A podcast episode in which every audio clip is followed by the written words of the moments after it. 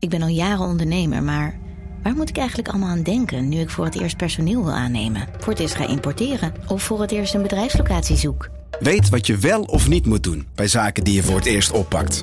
Check kvk.nl voor praktische stappenplannen. KVK, hou vast voor ondernemers.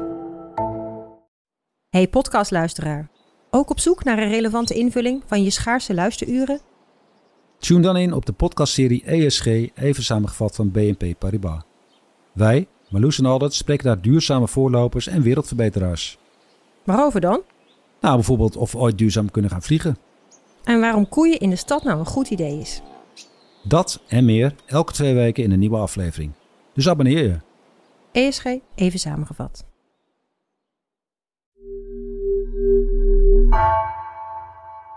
Hey, Floor hier.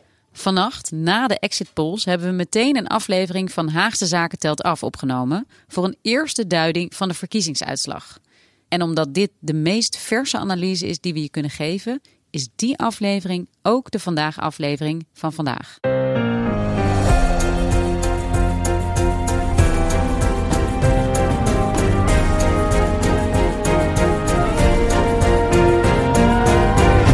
Dit is Haagse Zaken telt af. Mijn naam is Floor Boon. Het is donderdag 23 november, na middernacht. En de uitslagen van de Tweede Kamerverkiezingen komen nu binnen. De campagne is voorbij. En de PVV van Geert Wilders is vanaf nu de grootste partij van Nederland. Ja, we zitten voorlopig voor het laatst aan deze ovale vergadertafel op de Haagse redactie. En we praten over die verkiezingsuitslag. Over die door niemand echt voorziene verkiezingsuitslag. En dat doe ik hier aan tafel met Pim van den Doel. Hey Floor. Marco de Haan. Hi. Rick Rutte. Hey. En uh, jullie horen straks ook nog een aantal van de verslaggevers ter plaatse. Maar eerst naar die uitslag. Uh, Pim, chef van de Haagse redactie. Uh, ja, je hebt vanavond al in uh, hoog tempo de eerste analyse geschreven. Siert de voorpagina van de krant, papier en digitaal.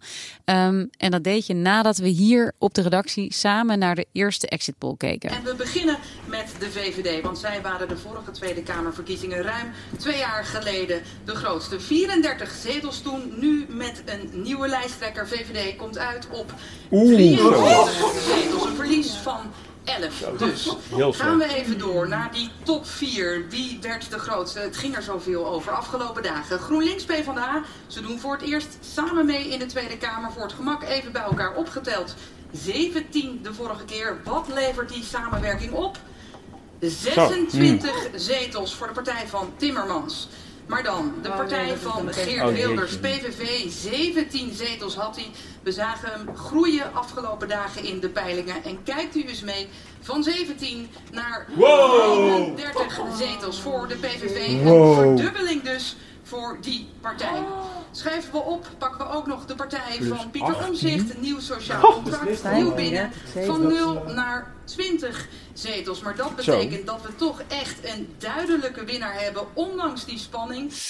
Ja, uh, dit is wat je zegt. Echt een, een, historische gebeurtenis volgens mij hier in Politiek Den Haag. Uh, ik zat net terug te denken aan nou ja, eerdere hè, populistische revoltes. Uh, partijen die het onverwachts vanuit het niets goed deden. Bijvoorbeeld de LPF in 2002. Maar zoiets als dit bij een Tweede Kamerverkiezing. Waarbij nou ja, een, een, radicale oppositiepartij met 35 zetels de grootste partij wordt. Dat, dat, dat hebben we eigenlijk nog nooit meegemaakt. En ja, dit is een, ongekende schok, denk ik, voor de, de gevestigde partijen. En uh, ja, uh, de grote vraag is natuurlijk nu, hoe gaan ze hiermee om? Ja, en je zegt een radicale oppositiepartij. Het is natuurlijk ook een radicaal rechtse, populistische ja. partij.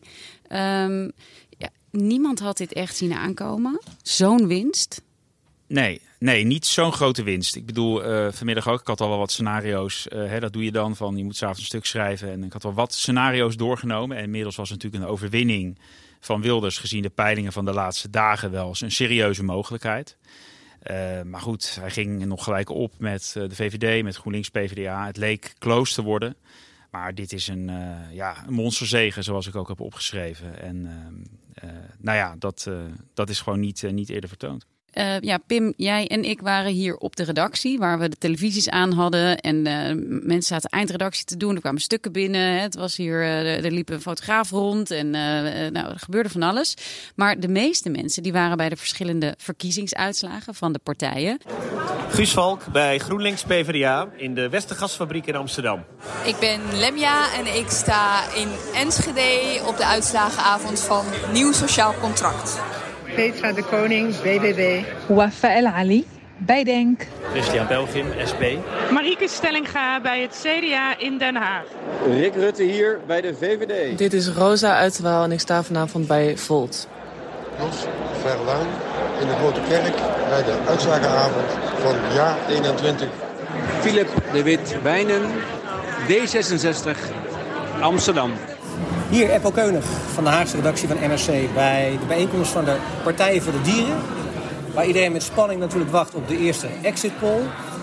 Marco, jij zat vanmiddag hier ook nog in de aflevering. Uh, toen hadden we het nog over de frames van verliezende partijen, grappig genoeg. Ja. Maar jij was uiteindelijk in Scheveningen bij die PVV. Hoe was het daar? Ja, Café het Zeepaardje was het in, uh, in Scheveningen.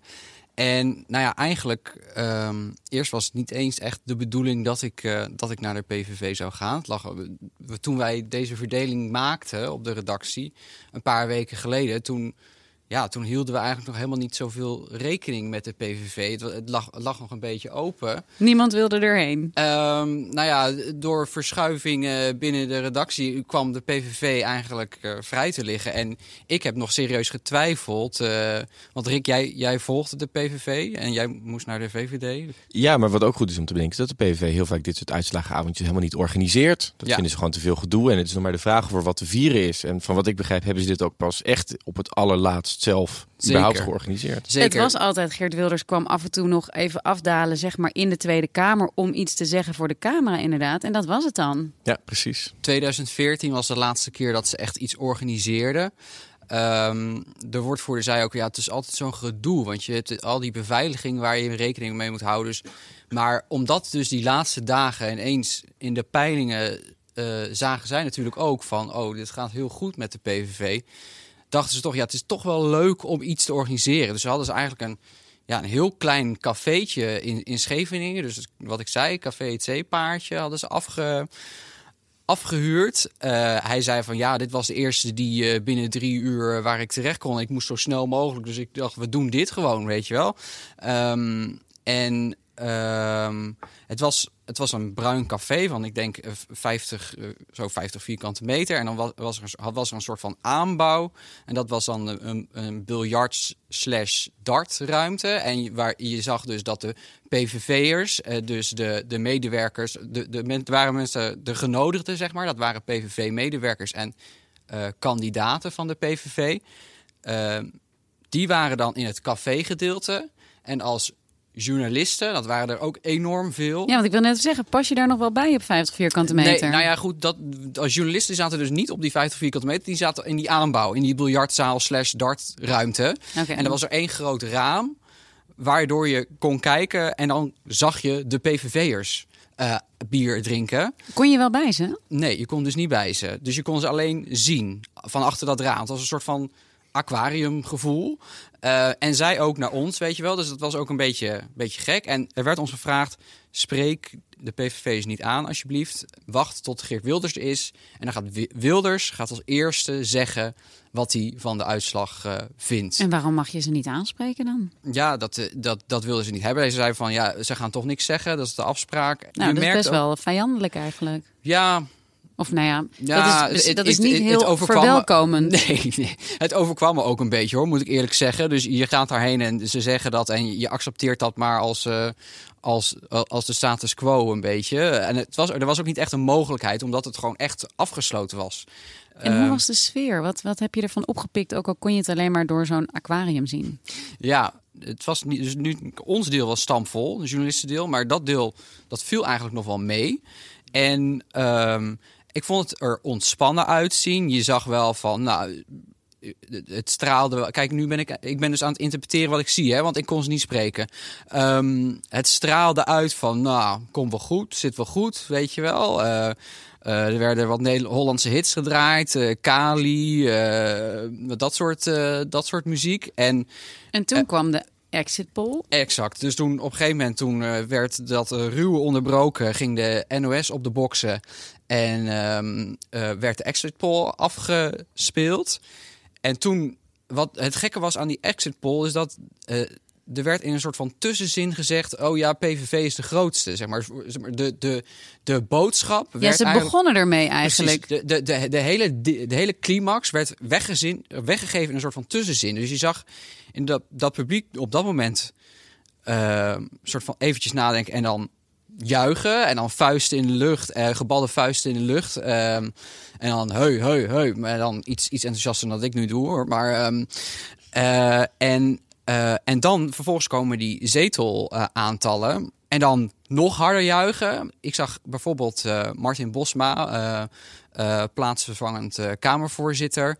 Die, je zag een soort van ongeloof. Hij stond daar met, met een, glas bier zo hoog in de hand. En, hij sloeg zijn arm om iemand heen. En stond daar een beetje zo uh, te wiegen. En je zag echt het ongeloof in zijn gezicht. En ik denk ook bij een gedeelte zag je, je zag zeg maar de helft van die ruimte zag je gaan hossen. En de andere helft zag je ook met elkaar in gesprek aan het gaan en aan het praten van oké, wat betekent dit nou, weet je wel? Ja, en kijk, ik, ik hang hier aan je lippen. Hè? Ik wil eigenlijk alles weten, maar ik wil ook nog heel veel meer weten. Dus kan je alleen, heb jij nog iets gehoord van reacties, de eerste reacties die opkwamen? Nou ja, goed. Ja, uh, Wilders kwam dus na 10 minuten. Die, daar moesten we als eerst naar luisteren. 35 zetels! De grootste partij van Nederland! En ik zeg jullie, Nederland, de kiezer heeft vanavond gesproken. De kiezer heeft gezegd: we zijn het zat, we zijn het spuugzat en wij willen. En daar gaan wij voor zorgen dat die Nederlander weer op één komt te staan.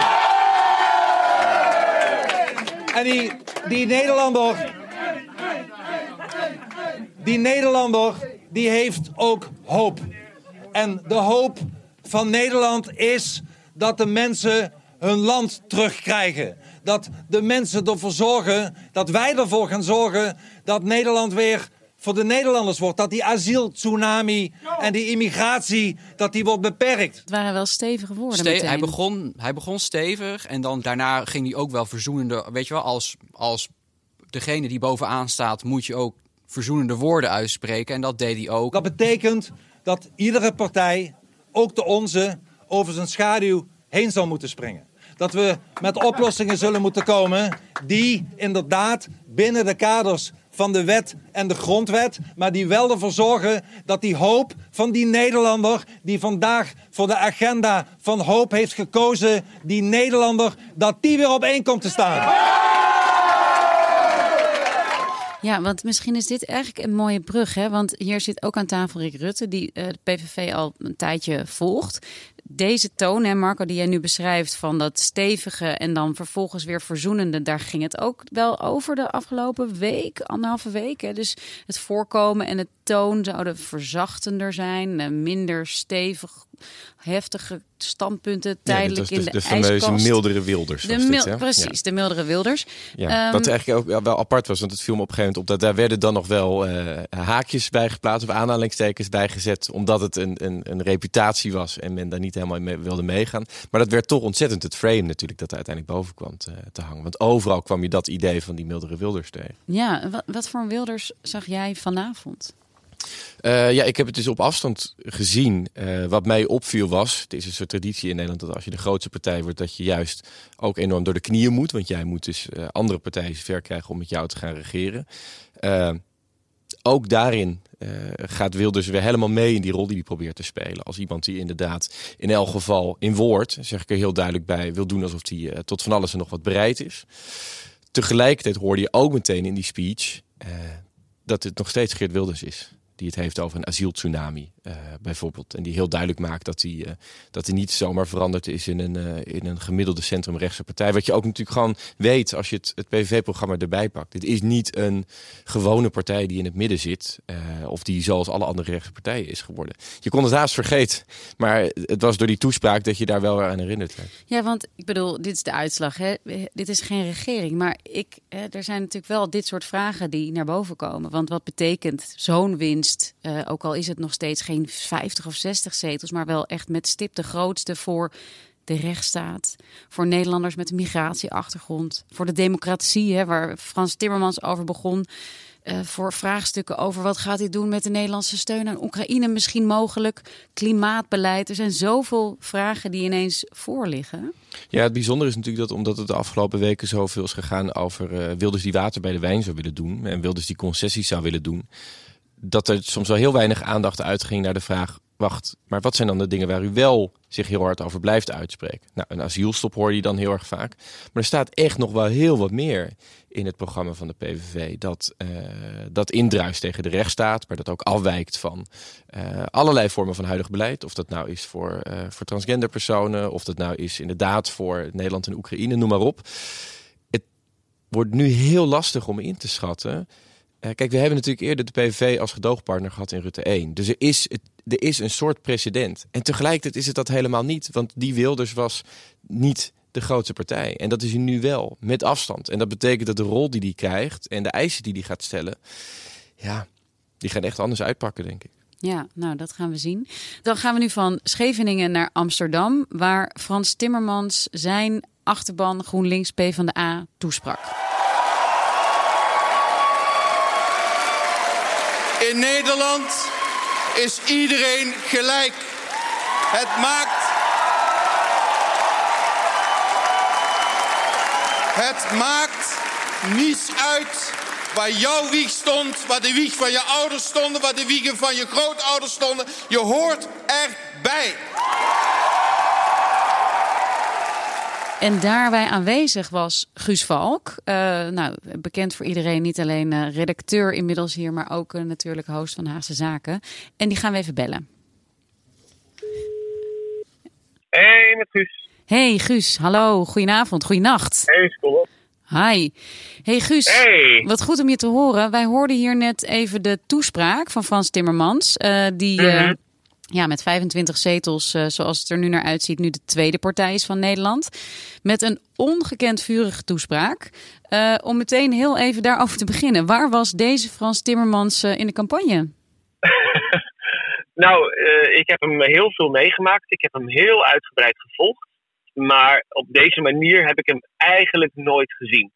Hij hield zich heel erg in in de campagne, onder het idee dat hij een premier in de wachtkamer was. Dus uh, iemand die boven de partijen staat, iemand die de verschillen uh, niet wil benadrukken, maar juist de overeenkomsten. En juist dat heeft hem denk ik opgebroken, deze campagne. Dat, dat terughoudende, het eigenlijk, ja, het, eigenlijk jezelf een beetje irrelevant maken. Of in ieder geval niet goed laten zien waar je eigenlijk voor staat, heeft denk ik deze campagne wel heel erg uh, kwaad gedaan, denk ik. Al te veel voor alle Nederlanders te willen zijn in plaats van uh, allereerst voor de mensen die op jou zouden gaan stemmen. Ja, de analyse was dat Nederland echt zat te wachten op een nieuwe premier die boven de partijen hing na 13 jaar Rutte. Dat was heel erg het idee. Bovendien was de gedachte dat de, de figuur Timmermans, zoals die is, hè, een, een man van 62, witte man, uh, met, uh, ja, gezegend met een fors stemgeluid, dat hij misschien veel kiezers zou afschrikken als hij bijvoorbeeld in debatten um, heel erg de, ja, de, de rest zou wegblazen, zal ik maar zeggen. Dus, dus ook om die reden heeft, hè, jij vroeg waar, waar was die gepassioneerde Timmermans? Nou, die hield dus, dus om strategische redenen dus een beetje in de binnenzak. Ja, maar misschien niet helemaal met succes dus. Nee, zeker niet. Uh, overigens is het natuurlijk geen slechte uitslag. Hè? Als, als de definitieve uitslag is wat de exit poll is, is het niet een slechte uitslag. Maar het zou erop neergerekend. En bovendien, uh, de, ja, de winst van de PVV is een mokerslag voor uh, progressief Nederland. Ja, want hoe was de stemming daar? Ik bedoel, ze zijn dus de tweede partij. Dat zou ook heel erg goed nieuws kunnen zijn. Maar lag dat een beetje aan de oppervlakte nog of was het vooral teleurstelling? Nee, dat was, dat was eigenlijk alleen maar teleurstelling. Ik, ik heb niemand gesproken die daar uh, die ook maar enigszins blij was. Nee, nee er werd even geforceerd gejuicht toen, uh, toen die eerste exit poll van 26 zetels uh, kwam. Maar toen wisten ze al dat de PVV de grootste zou worden, want dat werd al gezegd. Dus, dus toen voelde je al, dit voelt een beetje gemaakt. Nee, de stemming was echt verslagen. een totale stilte die, die zich over de Westergasfabriek meester maakt. Ja, en ligt er dan ja, toch nog ergens een rol nu voor Timmermans? Of, of, of, of eigenlijk op dit moment niet, omdat het gros van de kiezers toch echt voor rechts heeft gekozen? Het is niet logisch dat uh, Timmermans nu uh, het heft in handen neemt. Uh, het zou misschien kunnen hè, als, als Wilders er niet uitkomt. Hè, hij, is de, hij is de nummer twee, lijkt het.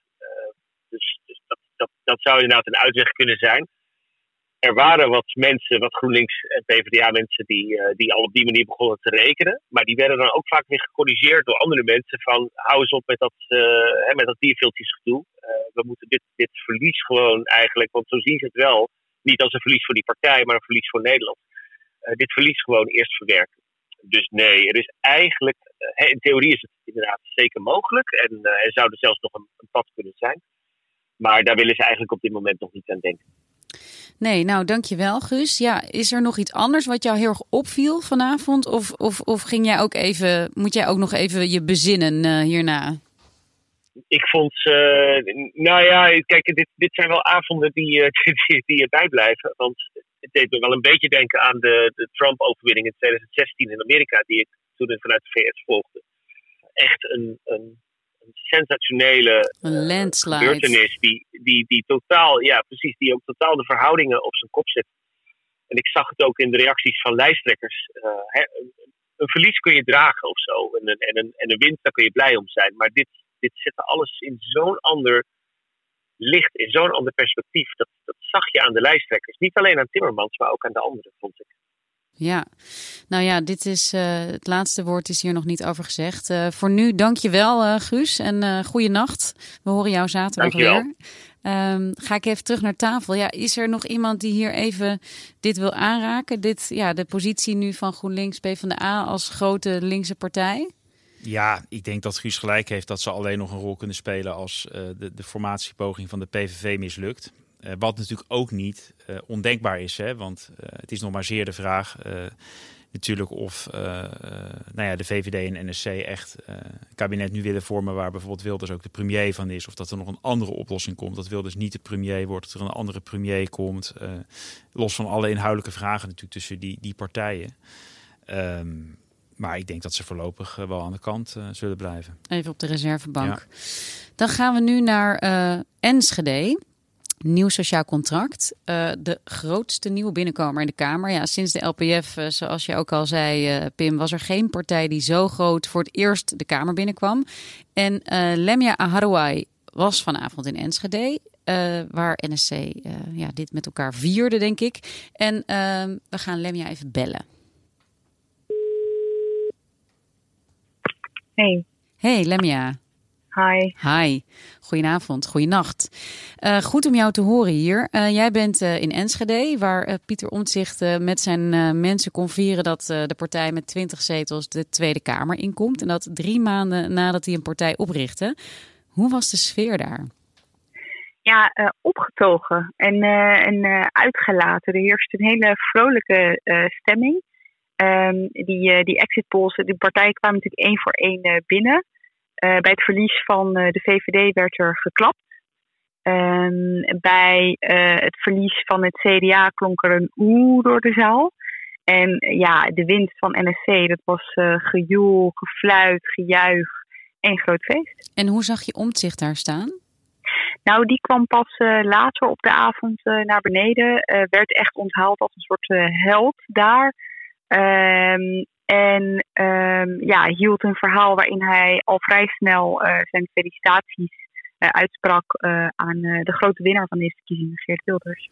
Ja, want um, in debatten hebben we Omtzigt horen zeggen dat hij niet met de PVV wilde samenwerken, omdat de PVV de vrijheid van godsdienst niet respecteert. Hè, en uh, dat dat allemaal in strijd is met uh, de grondwet. Maar in die toespraak waar jij bij was, zei, hoorde ik hem zeggen dat politici toch over hun eigen schaduw moeten heen stappen. En dat zal van heel veel politici vragen dat ze over schaduwen heen stappen.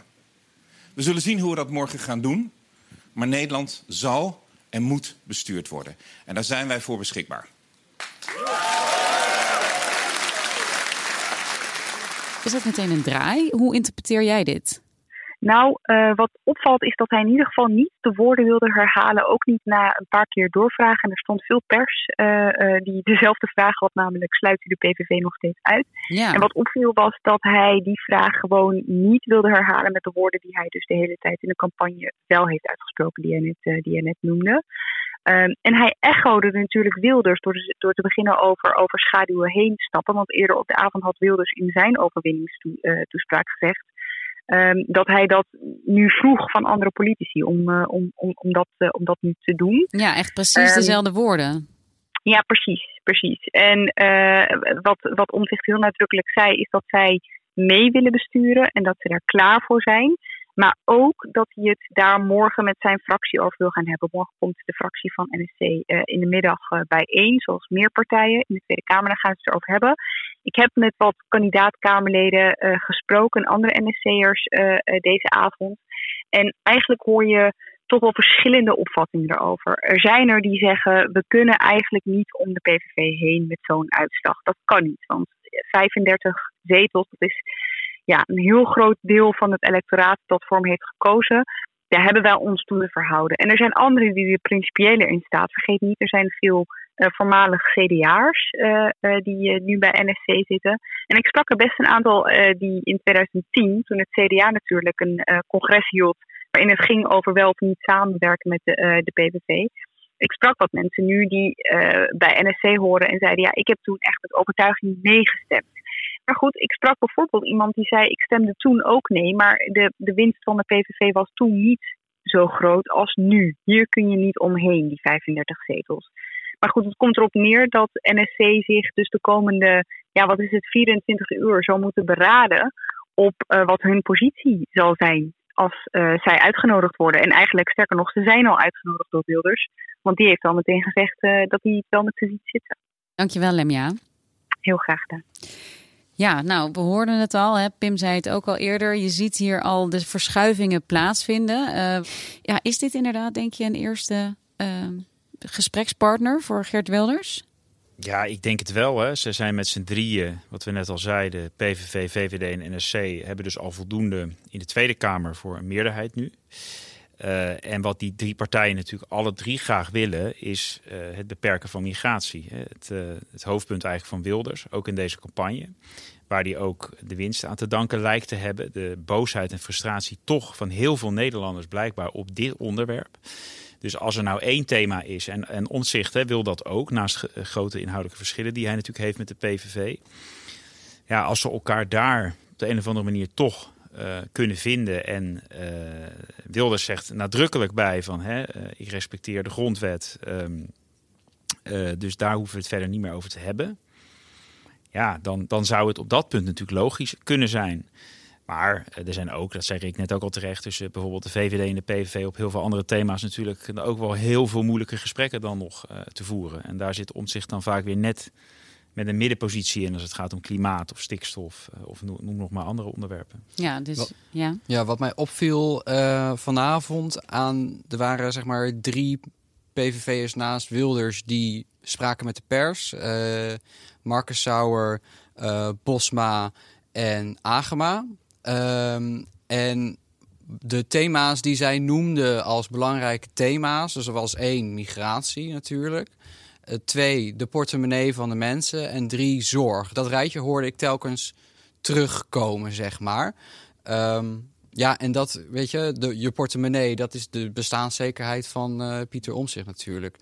Dus ja, ik zie dus al nog een raakvlak. Nou ja, goed, dat zijn natuurlijk raakvlakken. De vraag is even of ze met die punten ook tot elkaar komen. Um, we gaan eerst nog even naar Wafa Al-Ali. Um, die gaan we even bellen. Zij was bij de uitslagenavond van Denk in Amsterdam-Osdorp. Hey Ignaas, met Wafa. Hey Wafa, Floor hier. Oh, Floor. Hey Floor. hey, goeienacht, goeienacht. Goeienacht. Uh, hey, goed om jou te horen. Jij uh, was vanavond ja. bij een van de partijen die heel expliciet campagne heeft gevoerd tegen racisme, tegen discriminatie. Veel islamitische kiezers ook. Hoe was de reactie Klopt. van de winst van de PVV daar? Nou, um, toen, toen de exit polls bijna binnenkwamen, wist ik eigenlijk al uh, dat PVV op 35 werd uh, ge, nu. Uh, omdat ik het persalarm had binnengekregen. Dus nou ja, ik, ik lette heel erg op um, de zaal. En toen, toen op tv dus werd aangekondigd dat PVV de grote winnaar is met 35 zetels, viel het heel erg stil. En je hoorde hier en daar ook mensen duidelijk een, hun adem inhouden. Dus echt zo. En uh, er stond ook een vrouw naast mij. En zij zei tegen mij: PVV, dat is toch van Wilders? En ik zo: Ja, klopt, is, is inderdaad van Geert Wilders. En toen zei ze: Oh ja, maar ja, Nederlanders houden van Wilders. Dus ze vonden het ook helemaal niet gek eigenlijk dat hij zo groot is geworden. En ja, dus dat was de eerste reactie op de PVV-winst bij de Denkachterban. Ja, en werd er daar vooral over gesproken? Of werd er toch gesproken over dat Denk, nou ja, die heeft, lijkt erop gewoon de drie zetels gehouden. Was, was dat waar mensen opgetogen over waren? Of hing er hier een beetje een sluier overheen? Uh, nou ja, de eerste exit poll uh, gaf een uh, zetelverlies van één aan. Dus ze zouden van drie naar twee gaan. En nou ja, daar reageerden mensen nog meer geschrokken op. En vol ongeloof. Ik zag ook echt opengesperde ogen, monden die nou ja, open zijn gevallen. Um, dus ik, ik heb gewoon het idee dat toen um, de klap dubbel zo hard was binnengekomen. En nou ja, toen, toen die eerste exit poll uh, klaar was, ja, waren mensen gewoon ja, heel erg inderdaad aan het praten over hoe het nou kan hè, dat, uh, dat het zo is uitgevallen. Vooral de PVV-winst. Um, en uh, ook omdat vanuit de partijtop naar die eerste exit poll wel steeds werd gezegd: luister, denk, word noodwaar ondergepeld. Um, dus ze hielden gewoon hoop dat uh, die twee zetels meer zouden worden. En toen de tweede exit poll uh, binnenkwam met drie zetels toch voor uh, Denk, ja, toen, toen barstte de zaal los in gejuich en gejoel. Nou ja, echt een explosie van geluid, moet ik zeggen. En vanaf dat moment zag ik echt wel weer die strijdlust weer terugkomen bij, bij de leden van Denk. En um, ja, dat, dat ze ook wel weer hardop uh, durfden te praten over misschien wel vier zetels. Maar ik, ik, ja, ik heb zeg maar de avond wel verlaten met het beeld dat, um, ja, dat de strijdlust er echt nog wel is. En er werd ook meerdere keren gezegd: we hebben als leeuwen gestreden in de campagne en we zullen blijven strijden tegen haat en uitsluiting van met name moslims. Goed, dankjewel uh, Wafa. Uh, ja. Hier uh, zullen we ook ongetwijfeld nog op doorgaan de komende tijd. Dankjewel. Ja, graag gedaan. En dan gaan we nog even naar de VVD. de partij van Dylan Jezogus natuurlijk. Die tot aan gisteren misschien nog wel in de peilingen althans de grootste kon worden. Hè? Iedereen dacht toch, hoe doen ze dat toch eigenlijk? regerende partijen worden toch afgestraft? Precies. Nou, dat is dus ook gebeurd. met 24 zetels toch een verlies van 10. Hoe kan dat? Ja, de VVD heeft een hoofdrol gespeeld in deze campagne. Uh, om meerdere redenen. Eigenlijk is er in Nederland een soort spreeuwenwolk van kiezers op rechts die al jaren zoekt naar de partij waar ze hun ei kwijt kunnen. En dat is eigenlijk een partij die rechts van de VVD zit, of in ieder geval rechts, rechts van de huidige VVD zit, en die mee kan regeren. Nou, al jaren hebben we natuurlijk een blokkade op de PVV gehad. Dat maakt het mogelijk dat partijen als Vorm voor Democratie, als BBB steeds opnieuw op konden komen. Eigenlijk met diezelfde belofte. Wij trekken de VVD in Nederland naar rechts en wij mogen wel meedoen. Ja, en nu blijkt eigenlijk dat uh, zodra Jezielbus ook maar het deurtje heeft opengezet voor de, de, PVV deze zomer. Dat daarmee een dynamiek op gang is gekomen waarbij eigenlijk heel veel van die kiezers toch hebben gezegd... dan is dat wat ik wil. Dan is gewoon de PVV precies de partij op waar ik eigenlijk al jaren op wil stemmen. En nu heb ik ook het vertrouwen dat ik daar, uh, daar terecht kan en dat die stem dan gehoord gaat worden. En wat opvallend is, is dat dat dus voor een heel belangrijk deel BBB-stemmers uit het voorjaar ertoe heeft verleid om uh, PVV te stemmen. Maar ook uiteindelijk toch een behoorlijk grote groep VVD-stemmers. Ik zag in de eerste analyses van de kiezerstromen dat echt een flink deel van de nieuwe PVV-kiezers... dat er mensen zijn die twee jaar geleden VVD hebben gestemd. Ja, dat viel mij ook op. een vijfde. Ja. ja. maar is dit ondersteunend hè, aan die analyse? Want dit hoor je nu de hele tijd. Het is eigenlijk gewoon, uh, de, de VVD heeft de deur opengezet voor Wilders. En daarmee hebben ze nu eigenlijk mogelijk gemaakt dat Wilders zo groot kon worden. In combinatie met dat ze het kabinet lieten vallen over migratie. Migratie vervolgens opbliezen tot campagnethema. En kiezers vervolgens dachten, maar ja, als we het over migratie gaan hebben, dan moeten we bij de partij zijn die het echt over migratie heeft, namelijk de PVV. Jezus zei vanavond, nee, het ligt helemaal niet aan onze campagne. Nee, dat, zou, dat, dat zou, het zou opvallend zijn als ze dat wel ineens had gezegd. Uh, er komt volgens mij trouwens nog iets bij. En dat is behalve dat de VVD tot een campagneonderwerp heeft gemaakt, immigratie. En dus die deur heeft opengezet voor de PVV. Dat ze ook de laatste dagen nog eens onduidelijkheid zijn gaan zaaien over wat ze nou precies wilden. Dus wel of niet met Wilders? Wel of niet, ja. En deze week hoorden we eens dan nog zeggen dat ze uh, niet onder premier Wilders in een kabinet zou willen zitten. U bent hier om te dienen, zegt u de hele tijd. Ja. Dient u ook in een kabinet onder premier Wilders? Dat zie ik, uh, dat zie ik niet gebeuren. Ja, het, het gekke hiervan is natuurlijk dat dat uh, voor kiezers die bijvoorbeeld neigden naar een stem naar de VVD, hierdoor nog wel eens extra zouden hebben kunnen gedacht. Ja, dan ga ik in elf voor de PVV. Die zit nu al in die, die opwaartse dynamiek. En dan kan ik die in elf de, grootste, de grootste maken. Wat je moet bedenken bij die VVD-strategie is dat het steeds een poging is geweest om die, die spreeuwwolk te temmen. Maar altijd natuurlijk met als uitkomst dat de, de VVD de grootste zou worden.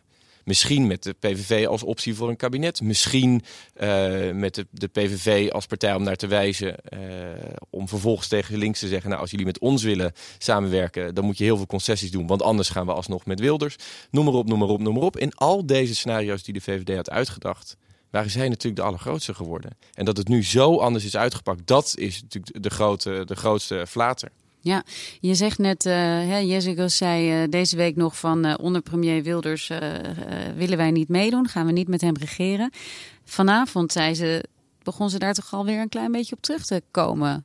Ja, ik zat ook ineens te denken, zei ze nou eigenlijk dat ze zelf niet onder, onder premier Wilders zou willen dienen? Of dat de VVD dat in geen enkel scenario ooit zou doen?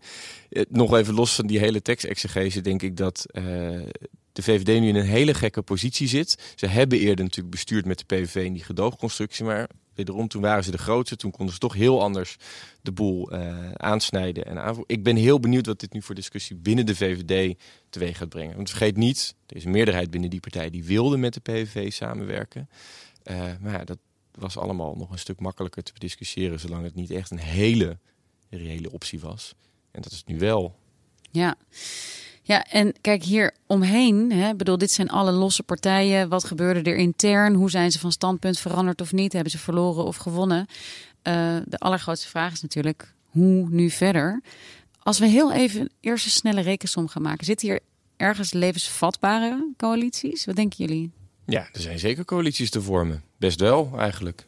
Ja, en, en die rechtse die we al noemden is natuurlijk getalsmatig de, de meest logische. Hoewel uh, je dan eventueel op, met oog op de Eerste Kamer ook nog zou kunnen overwegen de BBB daaraan toe te voegen. Ja, maar hier moet je dus wel alvast ervan uitgaan dat zowel NSC als VVD ja. um, met Wilders willen. Want dan nou ja, hebben precies, we even dat, PVV, ja. VVD, VVD NSC, NSC en BBB en BBB. eventueel om ook in de Eerste Kamer richting een, een meerderheid te kunnen. Ja. Ja, dat is uh, hè, inhoudelijk en getalsmatig toch de meest voor de hand liggende combinatie gezien de verkiezingsuitslag. Maar goed, dat zal ook al niet, uh, niet eenvoudig zijn. Maar is het eigenlijk en, de enige of, of, of, zijn er nog andere uh, opties? De, de enige andere optie, hè, als het echt niet zou lukken met de PVV, zou een breed middenkabinet zijn. en dan mogelijk natuurlijk wel onder leiding van GroenLinks PvdA. Dat zou dan het interessante ook weer zijn. Waar de VVD dan ook aan mee moet doen. Met ja, wat NSC. noemen ze even de partijen? Dan is dan GroenLinks, PvdA, uh, VVD, NSC en D66. En dan kom je ook op een meerderheid in de Tweede Kamer ja. van iets van 79 zetels. Maar dan kom je ook al met NSC die al zei dat ze het niet voor zich zagen om met GroenLinks PvdA te gaan regeren. ja, dit zijn natuurlijk allemaal, eh, voor niemand zijn dit nu de, de meest ideale coalities. Ehm, maar er, er, zal wel bestuurd moeten worden. Uh, en in het meest extreme geval, maar dat is niet echt in de, Nederlandse traditie gebruikelijk, zou het natuurlijk, als het echt niet lukt, op nieuwe verkiezingen kunnen uitdraaien. Ja, maar goed. Je gaat dat natuurlijk nu inderdaad uit allerlei hoeken horen. Maar wat je daar altijd bij moet bedenken, is dat partijen zichzelf nooit gaan vergelijken met het ideale droomscenario. Maar altijd met het alternatief. En voor heel veel partijen zijn nieuwe verkiezingen helemaal niet zo aantrekkelijk. En dat gaat toch betekenen dat wat het ook wordt, dat het voor heel veel partijen best aantrekkelijk is om uh, over een van deze opties snel te gaan onderhandelen. Ja. Ja, daarmee uh, moeten we denk ik een punt gaan zetten. Helaas. En voor nu, um, want hier gaat nog heel erg veel over gezegd, gesproken, geschreven, geaudioed, gegrafiekt, alles worden. Um, dit was Haagse Zaken telt af. Uh, maar zaterdag is er alweer een reguliere aflevering van Haagse Zaken. Met daarmee Guus aan tafel. En houd intussen natuurlijk de site in de gaten met allemaal nieuws en analyses. Dank voor iedereen hier aan tafel. Pim, Marco, Rick. Uh, aan de telefoon hadden we Guus, Lemia, Wafa, uh, en jij natuurlijk bedankt voor het luisteren. Het was een ongelooflijk plezier om hier te zijn. Redactie en productie van Haagse Zaken telt af zijn in handen van Igna Schoot, Ruben Pest, Celine Cornelis en Iris Verhulsdonk. Montage door Bas van Win. Tot later.